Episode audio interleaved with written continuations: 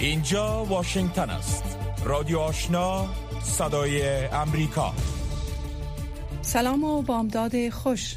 شنوندگان ارجمند لیلما حبیب عزیمی هستم. با همکارم ژیلا سمی با اخبار و گزارش های بامدادی روز دوشنبه 25 ماه اپریل سال 2022 میلادی از استدیوی مرکزی صدای امریکا در واشنگتن دی سی. نخست توجه فرمایید به مشروع با عرض سلام. امانوئل مکرون رئیس جمهور کنونی فرانسه در دور دوم انتخابات ریاست جمهوری آن کشور و رقیب انتخاباتیش مارین لوپن پیروز شده است. بر اساس گزارش ها از مراکز رایدی که بر مبنای شمارش عادی آرا صورت گرفته است آقای مکرون برنده 58 درصد آرا و خانم لوپن برنده 42 درصد آرا شد. انتخابات ریاست جمهوری فرانسه پس از آن به دور دوم رفت که در دوره نخست هیچ کاندید نتوانست برنده بیشتر از 50 درصد آرا شود. نصابی که برای پیروزی در دور نخست انتخابات لازمی است در دور نخست این انتخابات که به تاریخ 10 اپریل برگزار شد دوازده نامزد بر سر تصاحب کرسی ریاست جمهوری برای پنج سال آینده رقابت کردند که در نهایت امانوئل مکرون با کسب 27.5 درصد و مارین لوپن با 23.1 درصد آرا راهی دور دوم شدند. در دو دهه پسین امانوئل مکرون پس از ژاک شیراک نخستین رئیس جمهور فرانسه خواهد بود که برای دور دوم ریاست جمهوری انتخاب می شود جو بایدن رئیس جمهوری ایالات متحده روز یکشنبه گفت که دو ماه پس از آغاز تهاجم نظامی روسیه بر اوکراین کیف پایتخت آن کشور هنوز هم پابرجا باقی مانده است. رئیس جمهور بایدن در تویت روز یکشنبه که مصادف با دومین ماه تهاجم نظامی روسیه به اوکراین است نوشت دو ماه پس از آن که پوتین حمله بدون تحریک و غیر معجرا بر اوکراین راه اندازی کرد کیف هنوز پابرجاست. رئیس جمهور زلنسکی و حکومت انتخابیش در قدرت است. ما به حمایت خود از مردم اوکراین به خاطر دفاع از سرزمینشان ادامه می‌دهیم. این ازارت رئیس جمهور بایدن در حال بیان شده است که انتونی بلینکن وزیر خارجه امریکا و لوید آستن وزیر دفاع ایالات متحده روز یکشنبه در کیف پایتخت اوکراین با ورود میرزلنسکی رئیس جمهور اوکراین ملاقات کردند. الکسی آرستوچ مشاور رئیس جمهور زلنسکی در مصاحبه با تلویزیون اوکراین ملاقات بلینکن و آستن را با رئیس جمهور اوکراین تایید کرد. آقای استویچ در این مصاحبه همچنین گفته است که رئیس جمهور زلنسکی در این ملاقات خواهان تسلیحات قویتر و موثرتر از کشورهای غربی شده است. اما در مورد جزئیات ارائه نکرد. پس از تهاجم نظامی روسیه بر اوکراین که به تاریخ 24 فوریه سال روان میلادی آغاز شد این نخستین دیدار مقامات ارشد ایالات متحده از اوکراین است. با آخرین تحولات جنگ در اوکراین اخبار را از رادیو آشنا صدای امریکا ادامه میدیم. همزمان با ملاقات رئیس جمهور اوکراین با وزیران خارجه و دفاع امریکا مقام های اوکراینی گفتند که نظامیان روسیه روز یک شنبه حملات تازه هوایی بر شهر شرقی ماریوپول انجام دادند. مقام های اوکراینی گفتند که حملات هوایی روسیه فابریکه فولاد ازوفوستال واقع در شهر ماریوپول را نیز هدف قرار داده است. در حال حاضر شماری از نظامیان و غیر نظامیان اوکراینی در این فابریکه مستقرند و با وجود تعیین ضرب های مقام های مسکو نیروهای اوکراینی مستقر در این فابریکه از تسلیم شدن به قوای روسی خودداری کردند. اوکراین از روسیه برای گفتگو در نزدیکی این فابریکه دعوت کرده است. در خبر دیگر پاولو کریلانکو والی دونتسک می‌گوید پنج غیر نظامی. روز یکشنبه در شرق اوکراین کشته و پنج غیر نظامی دیگر زخمی شدند. همچنین در شرق اوکراین دفتر سارنبولی خارکوف از کشته شدن یک زن و زخمی شدن یک مرد بر اثر اصابت هاوان خبر داد.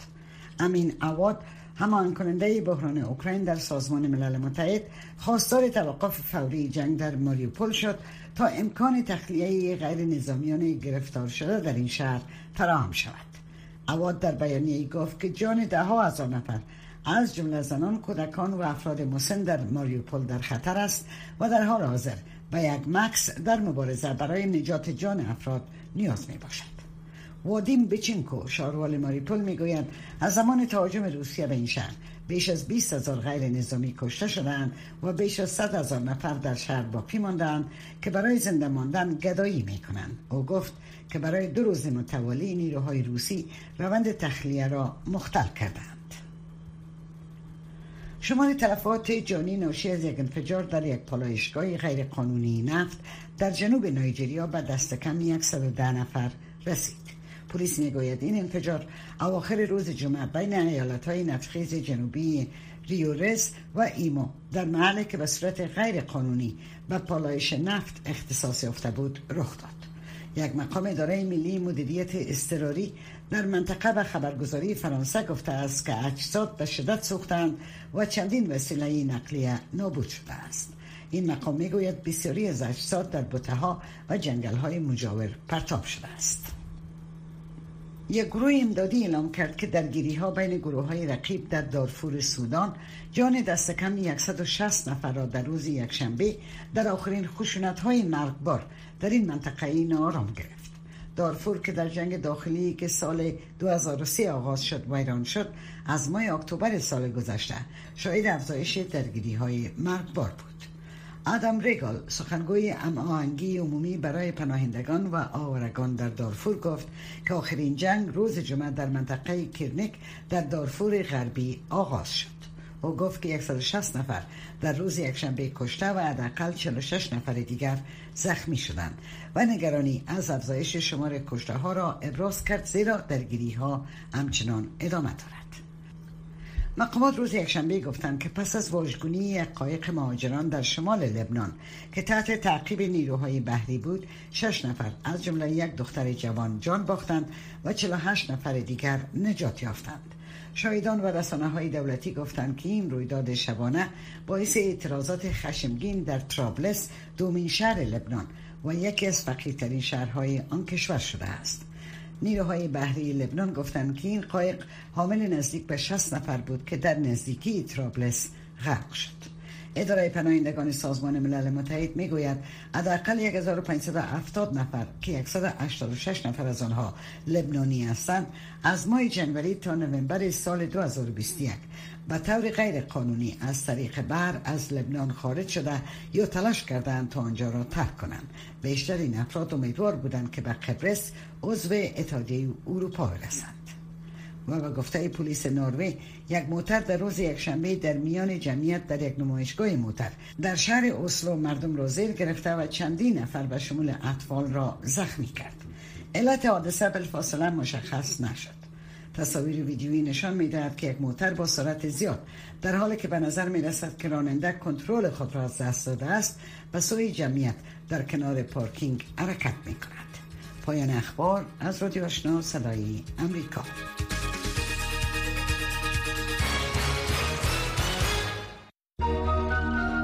هفت روز هفته با رادیو آشنا صدای امریکا. اخبار این ساعت را از همکارم شنیدید. اکنون من لیلا ما حبیب می می‌پردازم به تفصیل گزارش های این ساعت.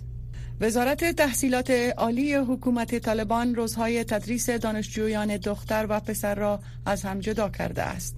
شماره از استادان پوهنتون این تصمیم را غیر عملی ولی شماره آن را برای کارهای سنفی و عملی موثر می‌خوانند. جزیات بیشتر در این گزارش جناب استاد اقدامات تازه بانک مرکزی را شما چگونه ارزیابی می‌کنین؟ هجاد تسهیلات و برداشتن محدودیت های بانکی مخصوصا حوالجات نقل انتقالات بیرون مرزی کمک در روند سرعت مبادلات تجاری با کشورهای بیرونی خواهد کرد و حتما مفید و مثبت ارزیابی می‌کنیم. تاثیرات اقدامات روی اقتصاد افغانستان چی خواد بود؟ ای که بتونه بالای اقتصاد افغانستان تاثیر مثبت داشته باشه. این موضوع مبهم از اونجایی که فعلا قبل از اینکه محدودیت ها برداشته می‌شد تمام نقل و انتقالات پولی از طریق کانال های غیر رسمی یعنی حوالجات که در توسط صرافی ها انجام می‌شد صورت می گرفت و حتی هم با که هزینه کمتر از هزینات هزینه نقل انتقالات بانکی بود. بله جناب رضایی همین خودش یک مسئله است. تاجران حاضر خواد شدن که از انتقالات بانکی استفاده کنند در حالی که در حالی که کانال های غیر رسمی ارزان تر وجود داشته باشه ما به نظرم که گرایش تاجران به, سیستم بانکی با توجه به اینکه بانک ها دچار کمبود نقدینگی هست و امکان داره که همچنان در نقد شدن پولشان با تاخیر مواجه شوند.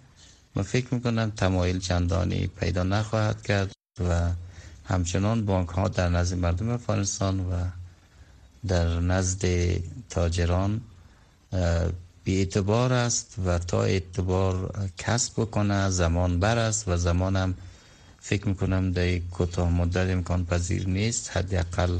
بله سکتور بانکداری خودش با چه مشکلات مواجه است؟ دو مشکل و چالش عمده ای که فرارای سکتور بانکداری در افغانستان وجود داره یکی کمبود نقدینگی هست و چون اصلا پول خلق نمیشه در افغانستان. پول آفرینی نه توسط بانک مرکزی در ماهای اخیر صورت گرفته به خاطر ترس از تورم و نه توسط سیستم بانکی سکتور بانکی. به خاطر که تولید عملا صورت نمی‌گیره. اگر پولی جدید وارد بازار خلق شود توسط سیستم بانکی ممکنه تورمزا باشه و ارزش پول ما را در مقابل پیسه خارجی و در بازار کاهش پیدا می‌کنه از این جهت کارایی بانکی زیر سوال رفته عملا و از طرف این که سیستم بانکداری هم چنج شده به سیستم بانکداری اسلامی. بانکداری اسلامی هنوز یک سیستم بسیار تازه هست و در افغانستان هنوز به صورت تضمینی نتونسته موفقیت هایی را کسب بکنه. درست. و مشکل دوم جناب رضایی یادآور نشدین. از اونجایی که حکومتی وجود نداره که مورد قبول مردم باشه و در صورت ورشکستگی بانک ها پاسخگوی پسندازهای مردم باشه و تضمین بکنه. بانک مرکزی طالبان فکر می‌کنم نه از لحاظ دارایی توانایی پاسخگویی به مشتریان را داره در صورت ورشکستگی بانک ها و نه اعتبار و مشروعیت لازم را برای مشتریان داره از این جهت سیستم بانک افغانستان دچار مشکل هست. از دید شما چه زمانی مشکلات قابل حل است؟ این دو مشکل فعلا رفت نمیشه. مشکل کمبود نقدینگی هم.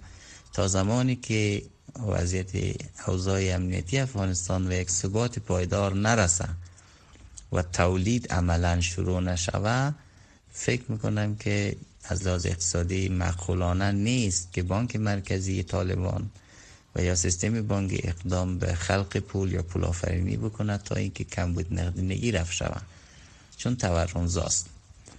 لذا این مشکل همچنان وجود داره و بحث اعتبارم که وجود داره و موضوع دیگه تحریم است. تحریم همچنان سر جای خودش باقی است. تا زمانی که حکومت افغانستان حکومت طالبان مشروعیت داخلی و بین‌المللی را کسب نکنه سیستم بانکی افغانستان مثلا بانک مرکزی افغانستان از مدار تحریم خارج نمیشه و تا زمانی که سیستم بانکی تحریم باشه معاملات کلان و همچنین تسهیلات بانکی دریافت تسهیلات از خارج و یا اعطای تسهیلات به خارج با مشکل رو بروست لذا فکر می‌کنم کارایی لازم را سیستم بانکی افغانستان نخواهد داشت. خیلی ممنون جناب ایسا رضایی استاد اقتصاد که در مورد سهولت ها و مشکلات سیستم بانکداری در افغانستان با ما صحبت کرده موفق باشید. رادیو آشنا صدای امریکا منبع موثق خبرها و گزارش های جهان و افغانستان. گروه از رهبران شرکت های تجارتی و انجمن های اجتماعی شهر دیترویت در مشیگن دور هم آمدند و یک شبکه خدماتی را به نام شبکه پناهندگان دیترویت به حمایت از پناهندگان افغان و اتباع کشورهای دیگر که در این شهر زندگی می کنند ایجاد کردند. این گروه سعی می کند تا کمک ها را در بخش های تهیه مسکن، آموزش، وسایل حمل و نقل و ارائه خدمات حقوقی برای پناهندگان که تازه وارد شده اند فراهم نماید. توجه فرمایید به این گزارش. گروه از رهبران شرکت ها و جامعه دیترویت دور هم آمدند تا خدمات حمایتی را به پناهندگان افغانستان و سایر کشورها که در شهرها مستقر می شوند ارائه دهند. این گروه با ایجاد راه اندازی شبکه پناهندگان دیترویت توسط یک سازمان صحی و خدمات بشری به نام سمریتاس در سرتاسر سر ایالت میشیگن که یکی از بزرگترین برنامه های اسکان مجدد پناهندگان می باشد فعالیت خود را آغاز کرد. تشکیل شبکه پناهندگان دیترویت در زمان کلیدی است که ادارات اسکان مجدد پناهندگان و سازمان های غیر انتفاعی در سرتاسر ایالات متحده برای کمک به پناهندگان اوکراینی که از تهاجم و جنگ روسیه فرار می کنند آماده می شوند. آنها قبلا برای ده هزار افغانی که پس از تسلط طالبان در سال گذشته به دنبال پناهندگی بودند نیز کمک می کردند. کلی دوبنر رئیس مشترک شبکه پناهجویان دیترویت می گوید زمانی که این همه واقعات رخ داد دانستیم که باید به این واقعات پاسخ دهیم. ما سریعا دست به کار شدیم. دانستیم که فعالیت های ما باید جامعه مشترک و در هماهنگی با یکدیگر باشد. یعنی یک شبکه واقعی. که توانستیم شبکه پناهندگان دیترویت را ایجاد کنیم. شبکه پناهندگان دیترویت با مشتریان خدمات سه اداره اسکان مجدد را ارائه می کند. و آنها عبارتند از سامریتاس کمیته پناهندگان و مهاجران ایالات متحده و خیریه های کاتولیک جنوب شرقی میشیگان است. این سازمان در تلاش است تا بیش از یک میلیون دلار جمع آوری کند تا به پناهندگان در دیترویت خدمات کلی از جمله مسکن آموزش حمل و نقل حمایت و خدمات حقوقی و کمک های عامه را ارائه دهد. دکتر سونیا حسن رئیس مشترک شبکه پناهندگان دیترویت است. او می گوید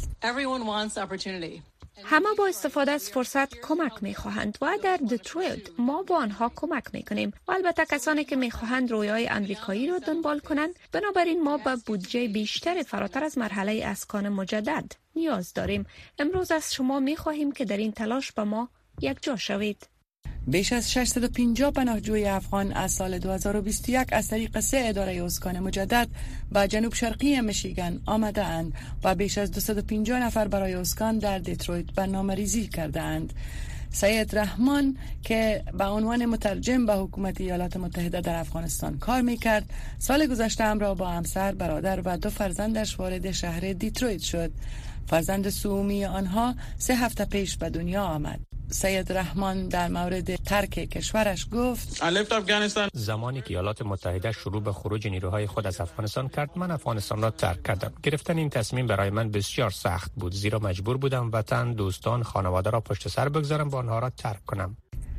رحمان اکنون در بخش منابع بشری شهر دیترویت کار و در یک آپارتمان زندگی می کند و می گوید که قدم به قدم وارد اجتماع جدید می شود و این کار ادغام او در اجتماع جدید را سهلتر می سازد.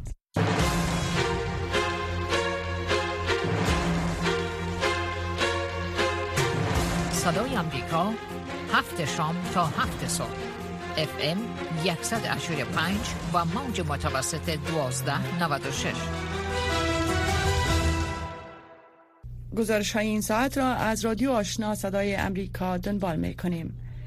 انتونی کوردسمن کارشناس ارشد مرکز مطالعات بین المللی استراتژیک در واشنگتن گزارش خبرگزاری تصنیم ایران را که به نقل قول از او در این گزارش گفته شده است که استخبارات بریتانیا به مارشال دوستون پول داده است رد کرد و گفت او هیچ گونه مصاحبه با این رسانه نکرده است.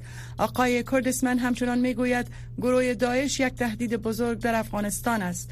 و در صحبت با همکار ما ژیلا نخست در مورد گزارش خبرگزاری تصنیم که مارشال دوستم را متهم به همکاری با داعش و برهم زدن امنیت سمت شمال نموده است چنین گفت.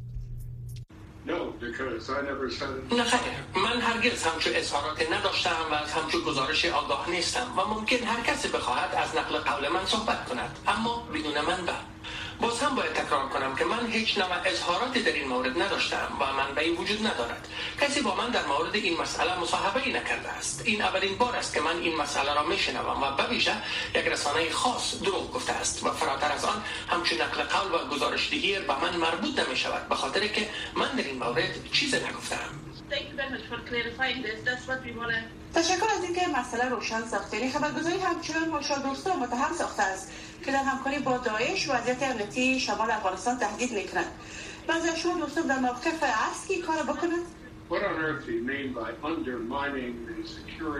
تخریب امنیت منطقه به معنی چی است؟ این به جز اتهام بستن به کسی معنی ندارد در این گزارش ممکن تبلیغات در حمایت از عملیات امنیتی نشر شده باشد و یا اینکه آنها می‌خواهند در سیاست های داخلی دخالت کنند. به نظرم باید در مورد آنچه شایع می شود با احتیاط صحبت شود و افراد را بدون اینکه اسناد کافی در دست باشد متهم نسازند و گفته شود که او می‌خواهد امنیت شمال افغانستان را متاثر بسازد و نه اینکه مشخص شود چطور این کار را خواهد کرد. فکر می‌کنید چرا خشونت ها در افغانستان به خصوص هدف قرار دادن اقلیت هزاره در کشور شدت یافته است؟ باز هم واقعیت این است که ما نمی‌دانیم اما یکی از مشکلات عمده این است که شما در مورد خشونت های فرقه ها و قومی صحبت می کنید و در برخی مناطق از زمانی که روزها از کشور برآمدند ادامه یافته و با مرور سالها بدتر شده است. در چارچوکات امنیتی فعلی این رقابت ها و جنگ ها محدود و محو شده است. وضعیت برای افراد سر قدرت فرصت آن را داده که مناطق را تصرف و کنترل کنند و کسی رد آنها را پیدا نکند. آنچه ما می توانیم متیقن باشیم این است که واقعات مرتبط به تنش‌های قومی و فرقه‌ای وجود خواهد داشت. طالبان مکرره از حضور داعش در افغانستان انکار کردند اما گزارش ها که رقم اعضای این گروه در افغانستان دو برابر شده است. و در گزارش سازمان ملل متحد نیز آمده است که رهبران القاعده بار دیگر در افغانستان جاگزین شدند نظر شما در این مورد چی است؟ در این مورد سوالی وجود ندارد که گروه داعش بسیار تهدید بزرگ و درن گسیخته است. باز هم باید بگویم که ما باید بسیار محتاط باشیم. به خاطر که در برخی از موارد به گزارش هایی که کسی چی می‌گوید اکتفا می‌کنیم و رقم و مشخصات آن واضح نمی باشد و معلومات نادرست منتشر می شود به همین خاطر آنچه که مهم است این است که با معنی باشد به خاطر که کسی در این مورد و اظهارات چیزی نمی‌داند. به نظر شما داعش در افغانستان چی می‌خواهد و چون رهبری طالبان را تهدید می‌کنند بخشی از این معضلین است که برای پوشش این موضوع معلومات روشنی وجود ندارد. ممکن آنها بخواهند در برخی از نقاط افغانستان برای خود تشکیلات بسازند و در اصل آنها از وجود نیروهای محلی و گروه های منطقه استفاده می کنند و بسیار یک تلاش دشوار خواهد بود که تشکیلات را بسازند و در نتیجه یک گروه بسیار خشن افراطی تشکیل دهند. اما در بین خود اعضای گروه ها و مراکز و افراد بسیار فرق وجود دارد که آنها را از هم جدا می سازند اما در کل آنها ایدئولوژی دارند و رهبران خود را دارند و آنها منظم و هماهنگند و در برابر حکومت نامنظم قد علم می کنند آنچه ما شاهد هستیم حملاتی است که ممکن باعث تلفات شود و زیان در بر داشته باشد. اما بیشتر مربوط این است که حکومت چگونه ساختار پلیس و قوای عدلیه را ایجاد می کند و پروسه حکومتداری را اعاره و نوع اقتصاد را ایجاد می کند در برخی موارد این یک رقابت در افغانستان است که کی برای نفوذ در میان مردان جوان و خرید جنگجویان پول به دست می آورد ما در مورد پیروزی بر قلبها و اذهان مردم صحبت نمی کنیم و اینکه چه شماری از جنگجویان را استخدام می کنند و پول و سلاح را از کجا به دست می آورید وضعیت اکنون بسیار شکننده است و دشوار است که این طور به پیش برود. به خاطر که در برخی از مناطق جنگجویان ارشد حتی معاش ندارند و آنها نمی توانند یک حکومت ملی موثر و قوای پلیس داشته باشند که تا کنون این کار را نکردند. در اکثر مناطق افغانستان در این حال نظم خاص برقرار نیست به همین خاطر برای طالبان یک هشدار است که در آینده آنها شاهد بی‌ثباتی و خشونت در مناطق منقسم شده خواهند بود. هیچ کسی از ما نمی‌تواند بگوید که ممکن این گروه بخواهد در برابر حکومت طالبان ایستادگی کند و اینکه تا چه حد داعش پیروز خواهد شد. فکر می‌کنید ایالات متحده و طالبان اگر فرصت ایجاد شود بخواهند که با ایالات متحده مشترکاً در برابر داعش مبارزه کنند من معتقد نیستم که ایالات متحده بخواهد هر نوع معاونت نظامی با طالبان داشته باشد. ممکن برنامه برگشت اقتصاد به حالت عادی را داشته باشد که به همین خاطر کمک میفرستد. به طور مثال آنها بخواهند قسم رفتار کنند که طالبان به طور مثال تغییر نظر دهند و برای زنان اجازه کار و تحصیل را بدهند. اما فکر می کنم امکان همکاری نظامی میان ایالات متحده با طالبان وجود ندارد. مگر آنکه یک واقعه واقعا بد از سوی گروه داعش یا جنبش های دیگر اتفاق بیفتد که افغانستان قادر به رسیدگی به آن نباشد.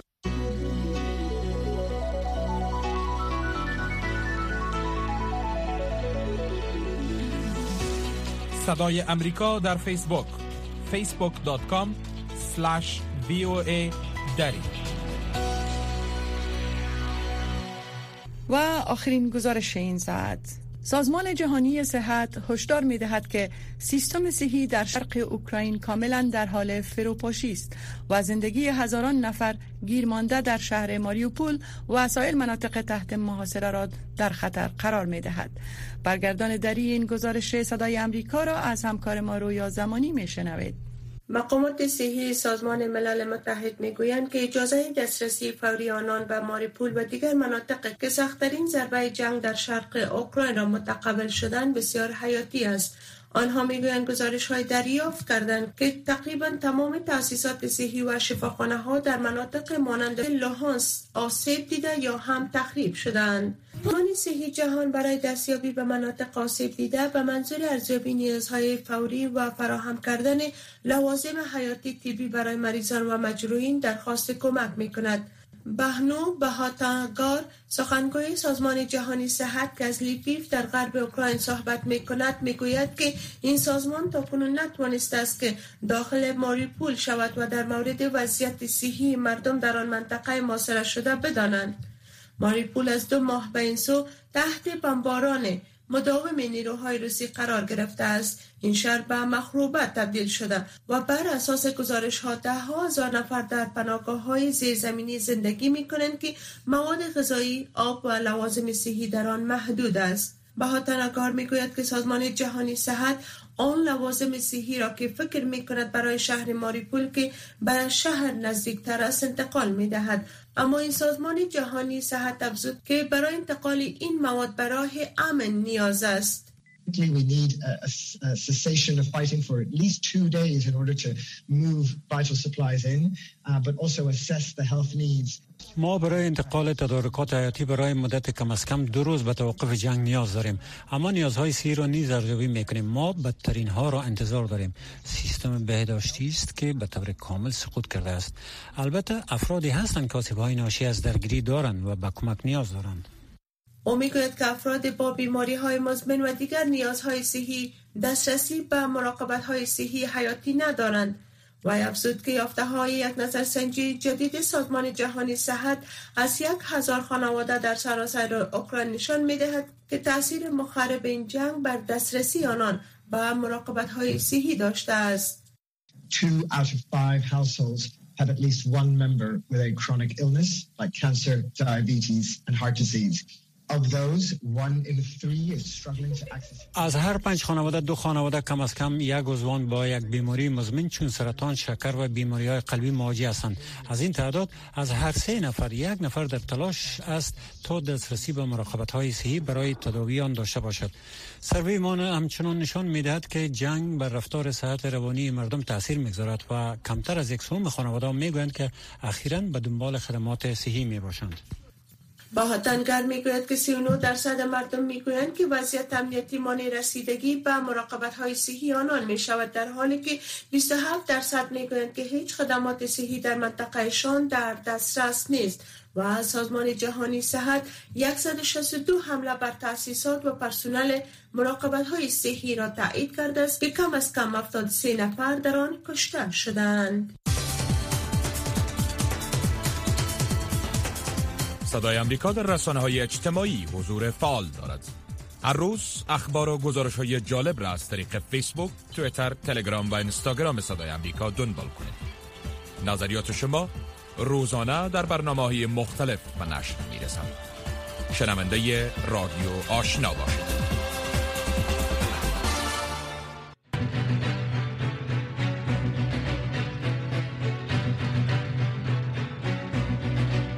و در اینجا می رسیم به پایان برنامه بامدادی رادیو آشنا صدای امریکا.